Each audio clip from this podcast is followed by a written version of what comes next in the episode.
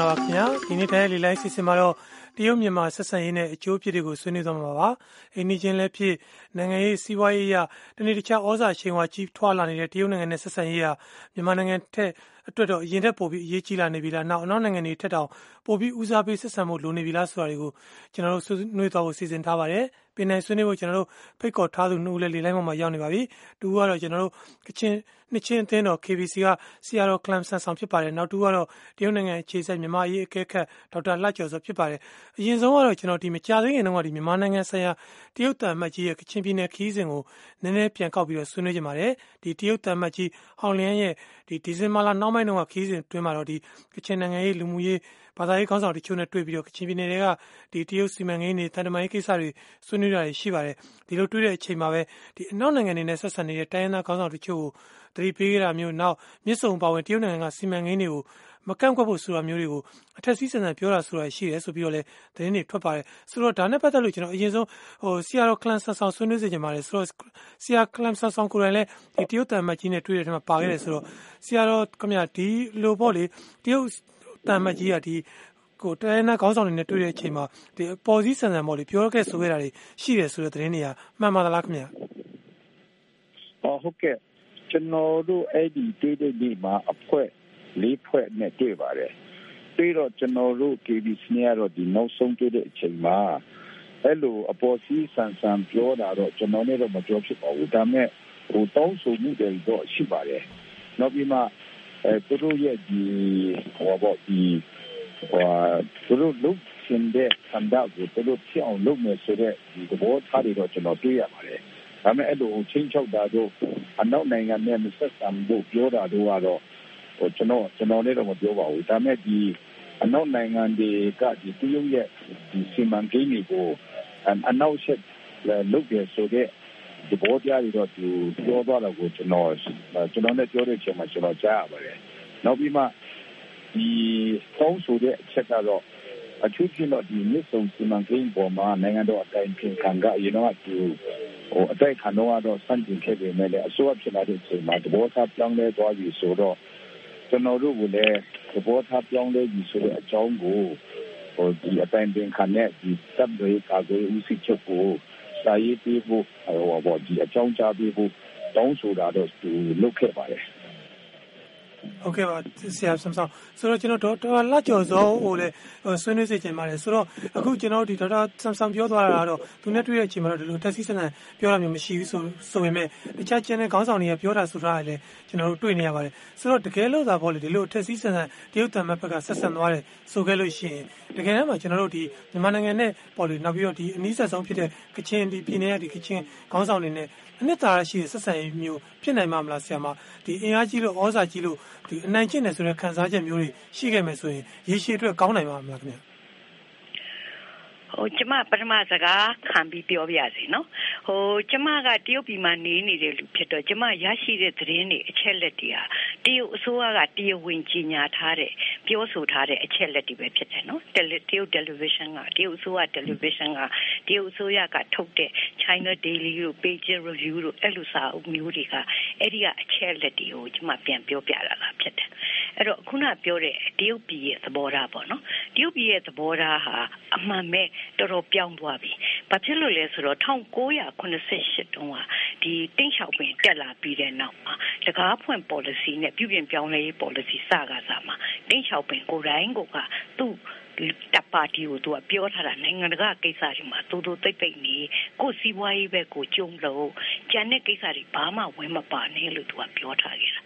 အခုမနှစ်ကပေါ့2018ခုနှစ်ကသူတို့အနှစ်40ပြုပြင်ပြောင်းလဲရေးတွေပြည့်တယ်နဲ့ အဲ့ဒီအတွက်နှစ်ပတ်လည်ဘာတွေမှာပြောကြဆိုကြလုပ်ကြတဲ့အခါမှာအခုနဟိုဆရာပြောသလိုပဲသူတို့ကသူတို့ရဲ့ဟိုဘယ်လိုခေါ်မလဲစီမံကိန်းတွေသူတို့ရဲ့ရည်မှန်းချက်တွေသူတို့ရဲ့တနဂါပြူဟာတွေပြောလာတဲ့အခါမှာပုံမူပြီးတော့အင်တိုက်အားတိုက်ဖြစ်လာတာပုံမူယုံကြည်ချက်ရှိလာတာပုံမူပြီးမာမာတင်းတင်းဖြစ်လာတာအဲ့သဘောထားတွေတွေ့ရတယ်အဲ့တော့ဒါတွေကိုလည်းအနောက်တိုင်းက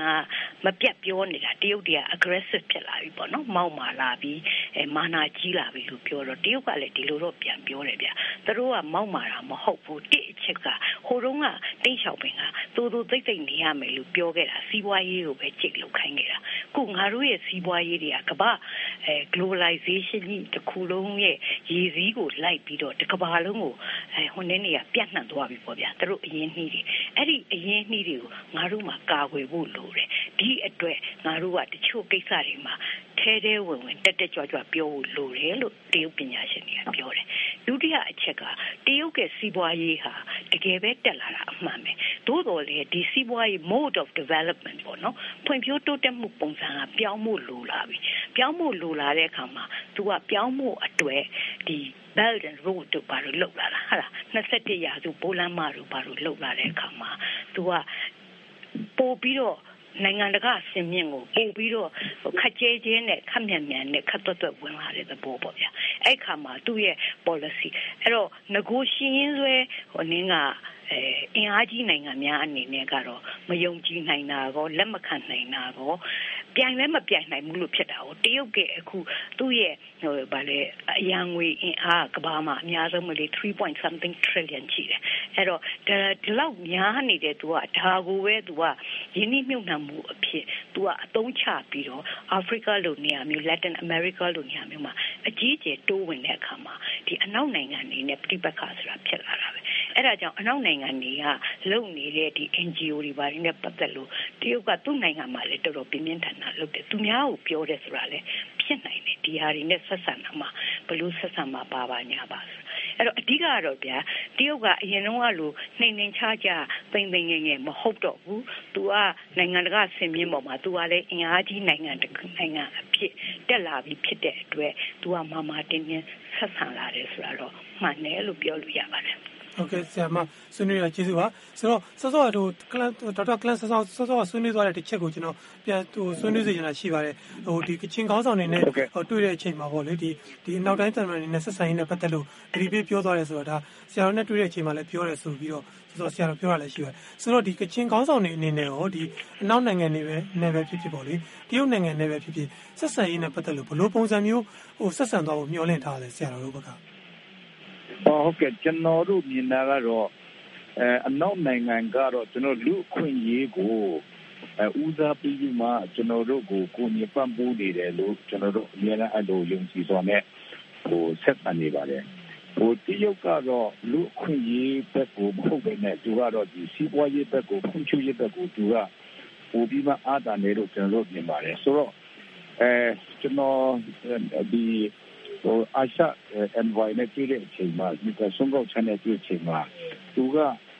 ဒီကျွန်တော်တို့ဒီကဒီဟိုပါမြန်မာနိုင်ငံကိုတိုးတက်ဖွံ့ဖြိုးဖို့အတွက်ပဲအဲကျွန်တော်ကိုမြင်လို့တော့သိရှိပါရဲ့နောက်နိုင်ငံတွေရဲ့ဒီရှုံချပြောဆိုတာမျိုးကိုမယုံဖို့နဲ့အဲ့လိုအဲ့လို direction ပို့ဖို့ဆိုတော့အဲမစ္စတာဆုံးကလည်းကျွန်တော်နဲ့တွေ့တဲ့ချိန်မှာအဲ့အဲ့ဒါဟိုသူက ဟိုရှင်းပြခဲ့ပါတယ်ဆိုတော့ကျွန်တော်တို့ရဲ့ဟိုဒီဒီဒီသူပြောင်းနေတဲ့ကချင်လူထုအနေနဲ့ပြည်နေတာတော့အနောက်နဲ့အနောက်အုပ်စုကတော့လူအခွင့်အရေးအတွက်ကျွန်တော်တို့အတွက်အင်မတန်မှပဲမရှိမဖြစ်ဒီအဖွဲ့အစည်းဖြစ်တယ်လို့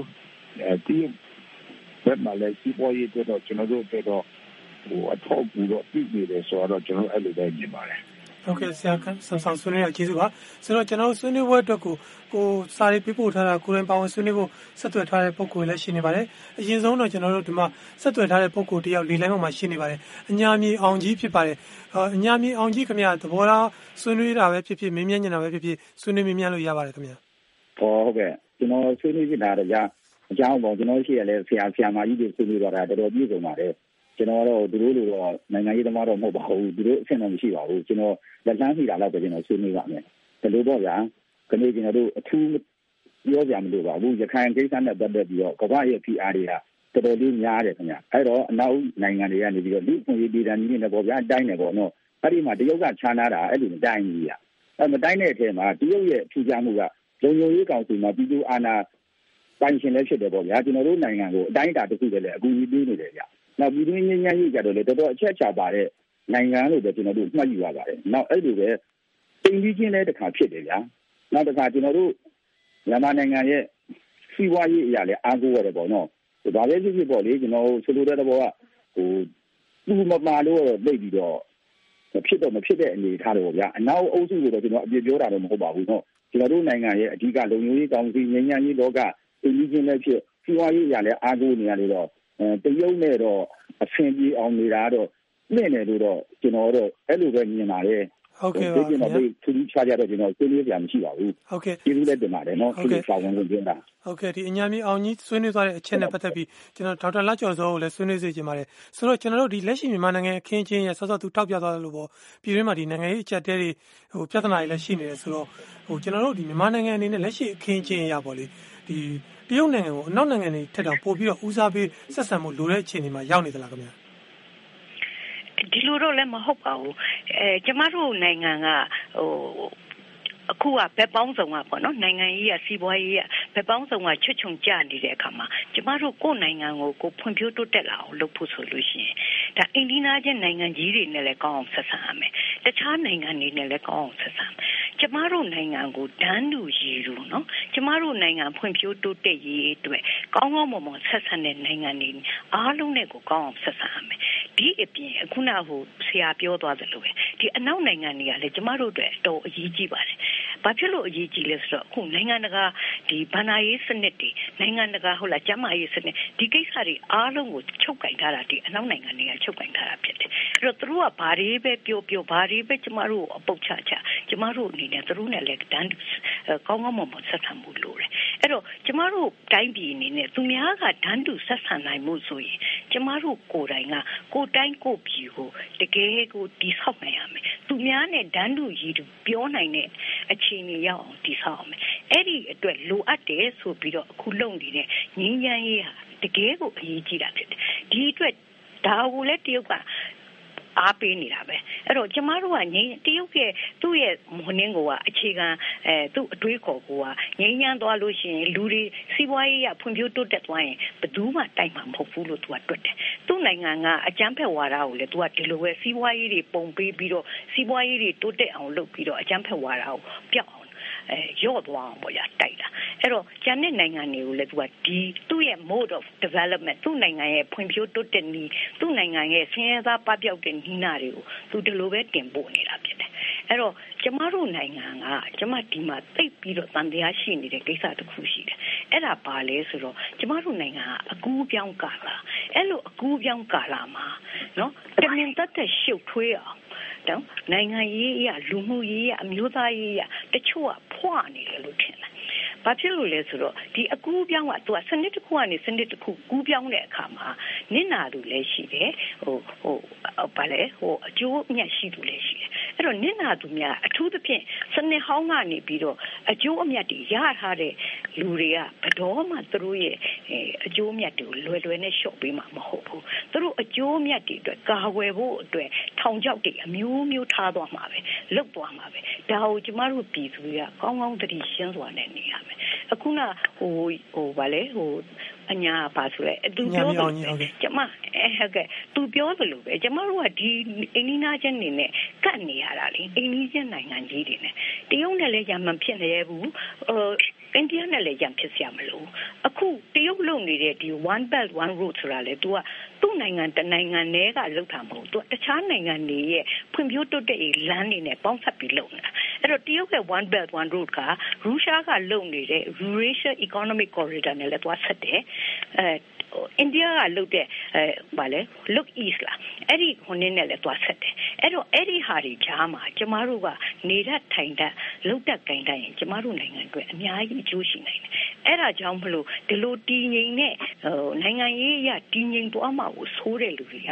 ဖွာတာတွေတခါလေရှိတတ်တယ်အဲ့ဒါကိုအဲ့ဒီကြောက်တွေကိုကျမတို့အင်မတန်သတိကြီးစွာထားတဲ့နဲ့ထင်ပါတယ်ဟုတ်ကဲ့ဆရာမဆွေးနွေးတာကျေးဇူးပါဆိုတော့ဒေါက်တာဆမ်ဆောင်လည်းဆွေးနွေးစေချင်ပါတယ်ကျွန်တော်တို့ဟိုတကယ်ဆိုရင်တော့တရုတ်နိုင်ငံဟာဒီမြန်မာနိုင်ငံရဲ့အိမ်နီးချင်းဖြစ်တယ်လို့ပဲကချင်ပြည်နယ်အတွက်ဆိုရင်လည်းအနည်းဆုံးအိမ်နီးချင်းပါဆိုတော့ဒီနောက်ပြီးတော့တရုတ်အနေနဲ့ဒီကချင်ပြည်နယ်အပါဝင်ဒီမြန်မာနိုင်ငံရဲ့ပြည်တွင်းငင်းငင်းကိစ္စတွေပါလဲ ထဲထဲဝင်ဝင်ပါနေတာရှိပါတယ်ဆိုတော့ဒါလို့ကျွန်တော်တို့ဒီပထဝီဝင်နိုင်ငံရေးအမြင်ကနေကြည့်မယ်ဆိုရင်ရောဒီကချင်တိုင်းရင်းသားတွေအတွက်ရောဒီမြန်မာနိုင်ငံအတွက်ပါဟိုတရုတ်နိုင်ငံကိုဒီနောက်ဟိုတရုတ်နိုင်ငံနဲ့ဆက်ဆံတဲ့နေရာမှာအနောက်နိုင်ငံထက်တောင်ပိုပြီးဦးစားပေးဖို့လိုနေမလားဆရာဆမ်ဆောင်ဆွေးနွေးပြပါဦးမယ်ဟုတ်ဟုတ်ဟုတ်ကဲ့အဲကျွန်တော်တို့အတွက်တော့အဲ့ဒီအချက်ပေါ်မှာကျွန်တော်တို့ကချင်လူထုကတော့ခုနဟိုဆရာပြောတဲ့အတိုင်းပဲအိန္ဒိယချင်းနဲ့ဖြစ်တယ်ပြီးရင် ကျွန်တော်တရုတ်ဒီယူနန်နယ်မှာဆိုရင်ကျွန်တော်ကချင်လူမျိုးတွေတော်တော်များများနေထိုင်တဲ့ဒေသဖြစ်တယ်ဆိုတော့ဟိုဆွေမျိုးချင်းနဲ့ညီဆက်နေတဲ့အဲဒူဒီဖြစ်တယ်ဆိုတော့အဲကျွန်တော်တို့အတွက်အတွက်ကတော့တရုတ်နဲ့လည်းကျွန်တော်တို့ကဟိုပြတ်လို့မရဘူးပြုံးနေတဲ့ဆက်ဆံတဲ့နေရာမှာကျွန်တော်တို့ကဒီကောင်းမှုမှုလုပ်ရဲဆိုတာကျွန်တော်နားရရတယ်ပြီးရင်အဲတရုတ်ကတော့ကျွန်တော်တို့အထူးသဖြင့်တော့ဒီကချင်မှာကျွန်တော်တို့ဒီခရီးရန်ကများတယ်ဆိုတော့ အဲတရုတ်ကခရီးရန်ပေါ်မှာသူကအများတန်းတောက်ဖြစ်တယ်။တန်ရရှိတယ်။အနောက်အုပ်စုရဲ့ဟိုထောက်ပံ့မှုအနောက်အုပ်စုရဲ့ ဒီကြိုးကင်မှုရှိနေတဲ့ဆိုတာသူတမ်းရတော့ယနေ့ရှိနေတော့ပဲကျွန်တော်တို့ကလည်းသူကဟိုရာနှုန်းပြီးယုံလာတော့မဟုတ်ဒါပေမဲ့ကျွန်တော်တို့ကတော့ဒီဟိုအနောက်အုပ်စုရဲ့ဒီဖြစ်ရပါတာမှာအခုကြိုးကင်မှုမရှိတော့ဘူးကိုချစ်တော့ဘူးကိုရနေဒီမှာကျွန်တော်တို့ခရီးရန်ပါတာကိုယုံကြည်ရဲဆိုတော့ကျွန်တော်တို့ပြောပြရှင်းလင်းနေစေပေါ့ဒါပေမဲ့သူတို့တက်တော့တော်တော့ဟိုဟာ ဟိုယုံကြည်မှုတော့တိတ်ရှိမယ်မထင်ဘူးအများအားကျွန်တော်တို့ကအနောက်အိုးစုနဲ့ဆက်တယ်ဒီမှာဟိုတရုတ်ရဲ့စီမံကိန်းတွေကိုဟိုဟာအနောက်အရှက်လုပ်နေတယ်ဆိုတော့တန်ရစိတ်တော့သူတို့ရှိနေတယ်လို့ကျွန်တော်ထင်တယ်။နောက်ငင်းချမ်းရေးမှာလည်းသူတို့ရဲ့ဒီပါဝင်မှုကတော့ကျွန်တော်တို့ကချင်လူမျိုးတွေအတွက်တော့ဟိုကောင်းတယ်လို့ကျွန်တော်အဲ့လိုပဲမြင်ပါတယ်။ဘာကြောင့်လဲဆိုတော့အဲသူကလည်းကျွန်တော်တို့ဒီကချင်လူထုအတွက်ဟို တော်တော်အကာအကွယ်ပေးထားတဲ့ဒီအစိတ်ပိုင်းမှာသဘောတရားတွေဟိုသူတို့ပြောပြတာတွေရှိပါတယ်ဆိုတော့အဲကျွန်တော်တို့ဒီပထဝီနေထားရရောကျွန်တော်တို့ဒီအဲဒီလူမျိုးအစုအနေထားရရောကျွန်တော်တို့ကတော့ဒီခုနဟိုဆရာမကြီးပြောတယ်လို့ကျွန်တော်တို့ကတော့တရုတ်နဲ့လည်းဆက်ဆံရေးအစဉ်ပြေဖို့လိုတယ်လို့ ကျွန်တော်တို့ဒီမိကြနေတဲ့လူလူခွင့်ရချိုးဖောက်ခံရတဲ့လူလူလူတွေအတွက်တော့ဒီကချင်လူတို့အတွက်တော့အနောက်အုပ်စုကလည်းကျွန်တော်တို့ကဟိုဆက်ဆံရေးကဒီချက်ပုံပြီးမြင့်ဖို့ကျွန်တော်တို့က ဟိုလူလာတယ်ဆိုတော့ဒါကျွန်တော်တို့ရဲ့အမြင်ဖြစ်ပါတယ်ဆိုတာဆွေးနွေးလိုပါတယ်။ဟုတ်ကဲ့ဒါပေမဲ့တခုရှိရဲ့ဆရာတော်ဒီငញ្ញဲကိစ္စတွေမှာတစုံတရာအထောက်အကူဖြစ်နိုင်တယ်ဆိုရင်လည်းအခုတရုတ်ရဲ့လက်ရှိစီးပွားရေးလုပ်ငန်းတွေဒီကချင်ပြည်နယ်ထဲမှာရှိနေတာတွေနောက်ဒီမြစ်ဆုံစီမံကိန်းလိုကိစ္စတွေကြောင့်ဒီလူမှုရေးတို့ပတ်ဝန်းကျင်တို့စသဖြင့်အနှုတ်လက္ခဏာတွေရောကြုံရနိုင်စရာတွေရှိလာဒီတရုတ်နိုင်ငံနဲ့ရင်းနှီးနှီးဆက်ဆံခြင်းအဖြစ်ဒီလိုကိစ္စတွေကလည်းပိုတိုးလာနိုင်တယ်ဆိုတော့ဒါတွေရောအနှုတ်လက္ခဏာရိုက်ခတ်မှုတွေကြုံရနိုင်တဲ့အလားအလာတွေမရှိနိုင်ဘူးလား ဟုတ်တယ်ကျွန်တော်တို့ကျွန်တော်တို့လည်းအဲ့ဒါကိုစိုးရိမ်တယ်ဒါကြောင့်မို့ကျွန်တော်တို့ကဒီစီးပွားရေးဒီဆိုတဲ့နေရာမှာကျွန်တော်တို့ကတော့အကန့်အသတ်တော့ကျွန်တော်တို့ရှိနေခြင်းတယ်ဘာလို့လဲဆိုတော့အခုမြစ်ဆုံလိုဟာမျိုးကျွန်တော်ဒီတစ်တော်ဒီဖြုံးကြည့်တာမျိုးဒီကြောက်ဒီတဘာဝဒီတတုဒီတိုးခေါ်တာမျိုးကြတော့စီးမရှိကားမရှိအဲ့ဒါမျိုးလောက်တာကိုကျွန်တော်တို့လူထုကတော့လက်မခံနိုင်ဘူးဆိုတော့ကျွန်တော်တို့ဒီကောင်းဆောင်တွေကိုလည်းဒီအကန့်အသတ်အဖြစ်ပေါ့ဒါလို့ စီးပွားရေးဖွံ့ဖြိုးမှုလိုအပ်တာတော့ကျွန်တော်နားလေတယ်ဒါမဲ့ဟိုဗျံပဒါ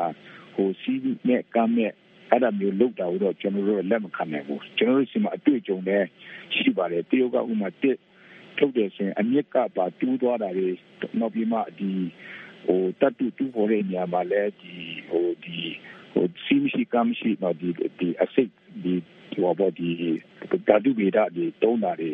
ဟိုတော်တော်ကိုကျွန်တော်တို့ဒီဒုက္ခပေးခဲ့တယ်ဆိုတော့ကျွန်တော်တို့ပြီးတော့ဒီလိုပိုင်းမှာတော့ကျွန်တော်လက်မခံနိုင်ပါဘူးဒါပေမဲ့စီးပွားရေးကိုစနစ်တကျသူ့ရဲ့လူအခွင့်အရေးကိုကြည့်ပြီးမှလုပ်တဲ့ဖွံ့ဖြိုးမှုကိုတော့ကျွန်တော်တို့ဒါလက်ခံလို့ရပါတယ်ဟုတ်ကဲ့ဆရာတော်ဆွေးနွေးရကျေးဇူးပါဆိုတော့ကျွန်တော်တို့ဒီဆွေးနွေးဖို့အတွက်ကိုကျွန်တော်တို့ email တွေမှတ်ချက်တွေပေးပို့ထားတဲ့တချို့လည်းရှိနေပါသေးတယ်ဒီထက်စားဆောင်အရင်ဖော်ပြခြင်းပါတယ် American ပြည်အောင်စုကမောင်တသနာရဲ့ပေးစာပါကိုရန်နိုင်ဖတ်ပြပေးပါဦးခင်ဗျာ ပြည်တွင်းငြိမ်းချမ်းရေး ဒီမိုကရေစီပြောင်းလဲရေးနဲ့ ဖွံ့ဖြိုးတိုးတက်ရေးပိုင်းတွေ အားလုံးလိုလိုမှာ လိုအပ်ချက်တွေ ကြီးမားနေတာကြောင့် တရုတ်နိုင်ငံနဲ့ ဆက်ဆံရေးကောင်းမွန်ဖို့ လိုအပ်သလို အနောက်နိုင်ငံတွေနဲ့ ဆက်ဆံရေး သိမ်မွေ့ညင်သာဖို့လည်း လိုတယ်လို့ ယူဆမိပါတယ်။အထူးသဖြင့် ကချင်ပြည်နယ်၊ရှမ်းပြည်နယ်နဲ့ ဝဒေသမှာရှိတဲ့ လက်နက်ကိုင်အဖွဲ့အစည်း အားလုံးဟာ တရုတ်နိုင်ငံနဲ့ နိုင်ငံရေး၊စစ်ရေး၊စီးပွားရေးအရ လုံးဝမလွတ်ကင်းကြတဲ့အတွက် ပြည်တွင်းငြိမ်းချမ်းရေးဖြစ်စဉ်မှာ တရုတ်နိုင်ငံကို လုံးဝချန်လှပ်ထားလို့ မရနိုင်ဘူးလို့ ယူဆမိပါတယ်။ ဒါ့အပြင် ရခိုင်အရေးနဲ့ ပတ်သက်လို့ ကုလသမဂ္ဂမှာ အခြေအတင် ဆွေးနွေးကြတဲ့အခါ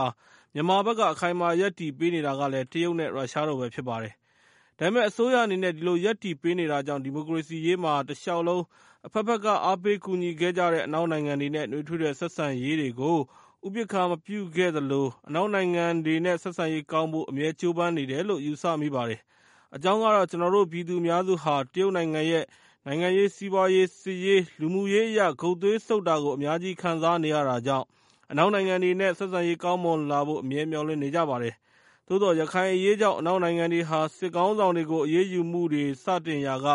အစိုးရပါ တနွယ်ငင်တစင်ပါ ဖြစ်သွားရတာကြောင့် အစိုးရနဲ့ ဆက်ဆံရေး တရုတ်ဘက် အလေးသာသွားတယ်လို့ ထင်ရပေမယ့် တကယ်တမ်း အစိုးရနဲ့ တရုတ်ဆက်ဆံရေးဟာ အရင်စစ်အစိုးရအဆက်ဆက်က ဆက်ဆံခဲ့တဲ့ စစ်ရေး၊စီးပွားရေး၊နိုင်ငံရေး သဘောတူညီမှုတွေကို ချိန်ခွင်လျှာညှိနေတဲ့ သဘောထက် မပိုပါဘူးလို့ပဲ ယူဆမိပါကြောင်းခင်ဗျား။ ဟုတ်ကဲ့၊မောင်သန်းသနရဲ့ပေးစာမှာတော့စီးပွားရေး၊ပြည်တွင်းငြိမ်းချမ်းရေး၊နိုင်ငံတကာဆက်ဆံရေးကိစ္စတွေမှာတရုတ်ကိုအားမကိုးလို့မရတဲ့အခြေအနေတွေကိုထောက်ပြထားပါတယ်။နောက်ကျနော်တို့အခုဆွေးနွေးနေတုန်းမှာပဲ Facebook ကနေမှတ်ချက်ပေးထားတာတချို့လည်းရှိပါတယ်။တယောက်ကတော့ပြင်ငြိမ်းဆိုတဲ့အကောင့်ပိုင်ရှင်ပါ။သူကတော့တရုတ်ကိုမယုံကြည်သင့်ပါတဲ့။လိုရင်းပြောရရင်မြန်မာတမျိုးသားလုံးမညီညွတ်လို့အခွင့်ကောင်းယူနေသူလို့မြင်ပါတယ်ဆိုပြီးရေးပါတယ်။တချို့စာတွေလည်းရှိပါသေးတယ်။မဆုမွန်ဖတ်ပြပေးပါဦး။“ ကျနော် ပမာဏ ဖိုးကြီးပါဆိုတဲ့ အကောင့်ကတော့ ကျနော်တို့တိုင်းပြည်ရဲ့ အနေအထားမှာတရုတ်ကိုယုံလို့ ပုံလိုက်ရင်ဖြည့် ကုန်ပါမယ်တဲ့။သယံဇာတတင်မက လူပါကုန်ပါမယ်တဲ့။ဒါပေမဲ့လည်း မပေါင်းမဖော်လည်း မရတဲ့ချမ်းချင်း ကပ်နေသူ ဖြစ်ပါတယ်။ဒါကြောင့်ကျနော်တို့တိုင်းပြည် စီးပွားရေး၊ပညာရေး အစရှိသဖြင့် အနာဂတ်တိုင်းအတွက် ထာဝရမိတ်ဆွေ မထားသလို၊ထာဝရရန်သူလည်း မလုပ်မိဖို့ လိုပါတယ်။အနောက်အုပ်စုရော တရုတ်ကိုရော သူတို့ရဲ့ ကစားခံအဖြစ်ရှိမနေဘဲ သူတို့ကိုယ်သာ ကိုယ့်တိုင်းပြည် အနာဂတ်အတွက် လိုသလို အသုံးချတတ်ဖို့ အရေးကြီးပါကြောင်း အကြံပြုလိုပါတယ်။ဒေါက်တာကျော်ရှိန်းဆိုတဲ့ အကောင့်ကတော့ လက်ရှိအနေအထားအရ အနောက်က မလာတော့လည်း အရှေ့ကို မျှော်ရတာက သဘာဝကျတယ်လို့ပဲ ပြောပါရစေ။သို့သော်လည်းစဉ်းစားပြီးမှ လုပ်တာက ပိုကောင်းပါလိမ့်မယ်။ပွဲလန့်တုန်း ဖျာခင်းတတ်သူတွေနဲ့တော့ မစုံစေချင်ပါဘူး။ယနေ့ ပြည်တွင်းမှာဖြစ်နေတဲ့ အခက်အခဲတွေ အဖုအထစ်တွေကို ပြေလည်အောင် ဖြေရှင်းနိုင်မယ်ဆိုရင် သြဇာထွားနေတဲ့ တရုတ်ကို အနောက်ထပ်ပိုပြီး ဦးစားပေးစရာ မလိုသေးပါ။အစွမ်းကုန် လုပ်ပြသင့်ပါတယ်။အသွေးကိုယူတယ်။အသားကိုယူတယ်။ပြီးတော့ လူကိုပါ ယူတယ်ဆိုတဲ့ အဖြစ်မျိုး ထပ်မံ မတွေ့ချင်တော့ပါကြောင်းဗျာ။”ဆိုပြီး ရေးထားပါတယ်။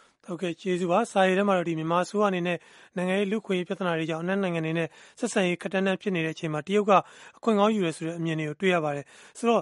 ဆရာမဒေါ်လှကျော်ဇောဆွေးနွေးစေချင်ပါတယ်။ဒီလိုမျိုးတကယ်လို့အခွင့်ကောင်းယူခဲ့တယ်ဆိုရင်တောင်မှအခွင့်ကောင်းယူလို့မရအောင်မြန်မာနိုင်ငံဘက်ကဆောင်ရန်ရှောင်ရန်အနေနဲ့ရော